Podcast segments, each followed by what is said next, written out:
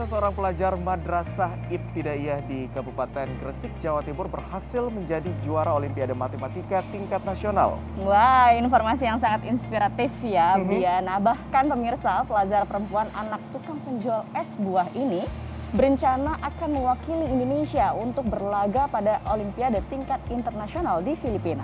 Pemirsa inilah Anggun Hasanah Asauri, pelajar Madrasah Ibtidaiyah Nahdlatul Ulama Minutret Putri, Kecamatan Kota, Kabupaten Gresik, Jawa Timur yang berhasil mengharumkan nama sekolah dan juga Kabupaten Gresik.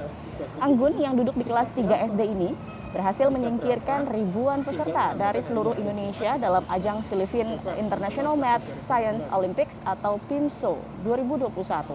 Olimpiade Matematika ini digelar secara daring karena masih di tengah pandemi COVID-19.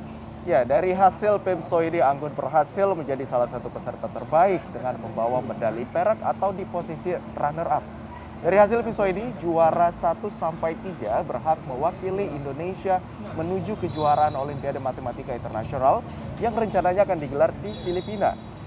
Istianah Ibunda Anggun setiap hari berjualan es buah, sementara sang ayah merupakan pegawai di salah satu SPBU di Gresik. Setiap pulang sekolah, Istianah mengajak Anggun ke kios es buah. Istianah juga memotivasi anaknya untuk giat belajar agar keinginan Anggun bisa naik pesawat terbang keliling dunia dapat terwujud. Pemirsa kelangkaan BBM di sentra pengisian bahan bakar umum atau SPBU Majene, Sulawesi Barat terjadi. Warga berharap agar Pertamina dan pemerintah segera menambah pasokan BBM. Dalam pemberitaan sebelumnya, pihak Pertamina Marketing Region 7 Makassar mengatakan sedang melakukan normalisasi distribusi ke wilayah Sulawesi Barat. Hal ini dilakukan untuk mencegah terjadinya kelangkaan BBM, namun kini tidak ada aktivitas di SPBU Lembang, Kecamatan Banggai Timur, Kabupaten Majene karena kehabisan bahan bakar minyak atau BBM jenis Pertalite dan solar. Berdasarkan informasi dari pihak SPBU, kuota Pertalite setiap hari kini 16.000 liter. BBM habis dan hanya bertahan beberapa jam karena langsung diserbu pengendara dan pengecer. Sementara itu BBM jenis solar hanya tersedia 8.000 liter setiap hari hingga mengakibatkan antrean kendaraan yang terjadi terutama saat malam hari. Seorang pengguna BBM Muhammad Lutfi mengatakan kelangkaan BBM ini menghambat aktivitas ekonomi warga. Setiap kegiatan tanpa bahan bakar, ekonomi akan tersendat. Jadi mungkin saran saya supaya kota eh, bahan bakar di kabupaten supaya ditingkatkan lagi. Pemirsa pelonggaran mobilitas masyarakat semakin diperluas seiring dengan terkendalinya pandemi COVID-19. Tempat bermain anak di pusat perbelanjaan boleh dibuka dan kapasitas penonton di bioskop juga ditambah menjadi 70 persen. Pelonggaran pembatasan mobilitas masyarakat semakin meluas seiring semakin terkendalinya pandemi COVID-19. Menko Bidang Kemaritiman dan Investasi Koordinator PPKM Jawa Bali Luhut Binsar Panjaitan menyebut kapasitas bioskop juga ditambah menjadi 70 persen di wilayah level 2 dan 1. Tempat permainan anak playground di pusat belanja boleh beroperasi untuk kabupaten atau kota di level 2. Tempat bermain anak-anak yang meliputi mall, perbelanjaan boleh dibuka untuk kabupaten kota level 2. Kami mensyaratkan bahwa tempat permain anak harus mencatat nomor telepon dan alamat orang tua, serta waktu anak bermain untuk kebutuhan tracing. Kabupaten kapasitas bioskop untuk kota level 2 dan 1 dapat dinaikkan menjadi 70% dan anak untuk anak-anak diperkenankan masuk bioskop pada level 1 dan 2. Sementara untuk wilayah luar Jawa dan Bali, Koordinator PPKM luar Jawa dan Bali yang juga Menko Perekonomian Air Langga Hartarto menyebut penerapan PPKM diperpanjang selama tiga minggu ke depan dengan evaluasi setiap minggu. Penilaian yang digunakan untuk penerapan level PPKM di tiap daerah juga akan ditambah satu faktor, yakni capaian dosis vaksinasi. Berdasarkan uh, level assessment Kementerian Kesehatan dan ditambah satu faktor terkait dengan kabupaten kota dengan capaian vaksinasi dosis pertama kurang dari 40 persen, maka levelnya dinaikkan ke satu level. Maka penerapannya adalah di PPKM level 1 itu ada di 18 kabupaten kota, eh, kemudian eh, PPKM di level 2 ada di 157 kabupaten kota, level 3 di 211 kabupaten kota. Aplikasi Peduli Lindungi menjadi alat untuk menahan peningkatan kasus di tengah pelonggaran aktivitas dan mobilitas masyarakat. Hingga saat ini penggunaan aplikasi Peduli Lindungi telah mencapai lebih dari 100 juta kali di berbagai area publik, dengan rata-rata penggunaan hampir 3 juta per hari. Terkait dengan realisasi anggaran Program Pemulihan Ekonomi Nasional atau PEN, Menko Perekonomian Erlangga Hartarto menyebut realisasi anggaran hingga saat ini sebesar 428,21 triliun rupiah atau sekitar 57,5 persen dari pagu anggaran 744,77 triliun rupiah. Erlangga juga menyebut alokasi anggaran 8 persen dari dana alokasi umum atau DAU dan bagi hasil atau DBH yang biasanya untuk penanganan COVID-19 di daerah kini bisa digeser untuk tujuan lain seiring dengan terkendalinya pandemi COVID-19.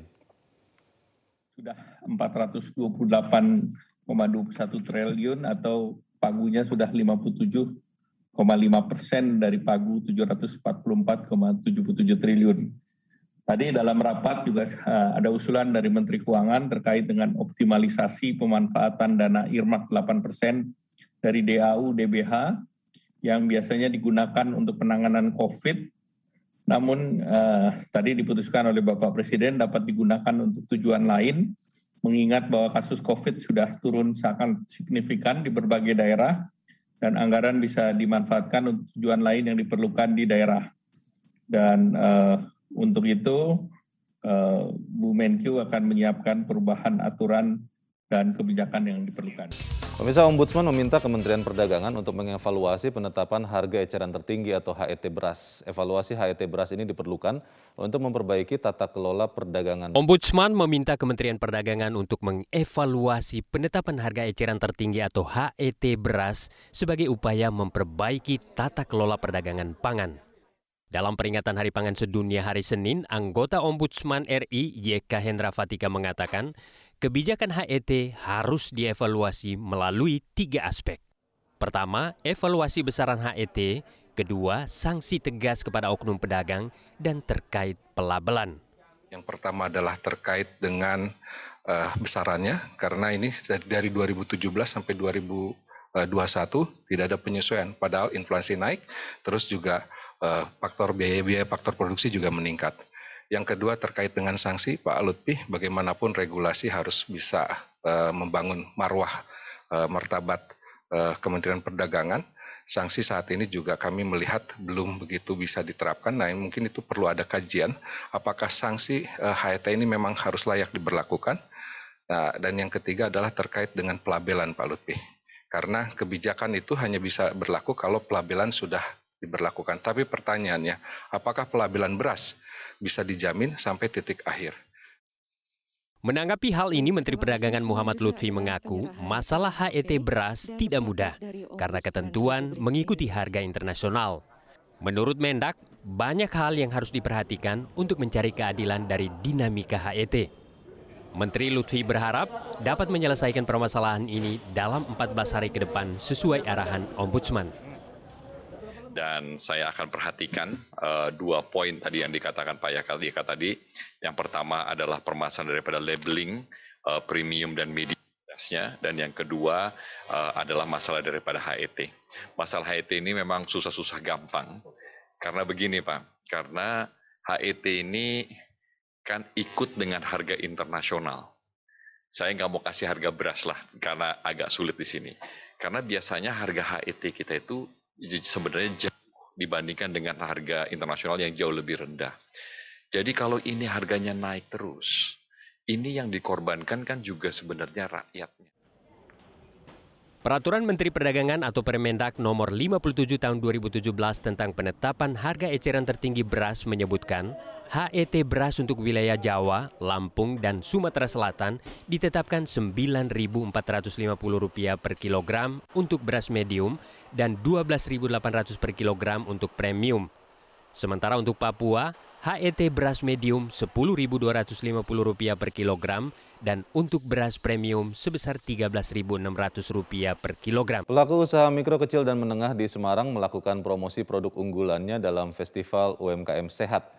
Kegiatan ini untuk membangkitkan perekonomian warga setelah dua tahun dilanda pandemi.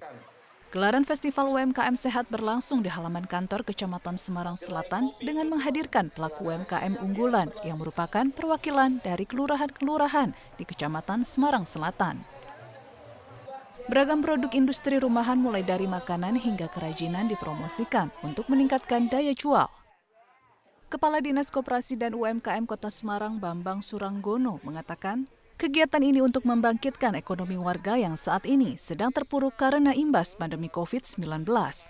Harapan kami setelah sekarang kawan-kawan di uh, akrab dengan uh, new normal adanya corona, namun teman-teman juga di sektor pemulihan ekonominya bisa. Misalkan pedagang-pedagang kecil yang selama ini juga benar-benar juga merasakan dampaknya, uh, seperti pasar saya seperti ini, uh, ya sangat tertolong sekali.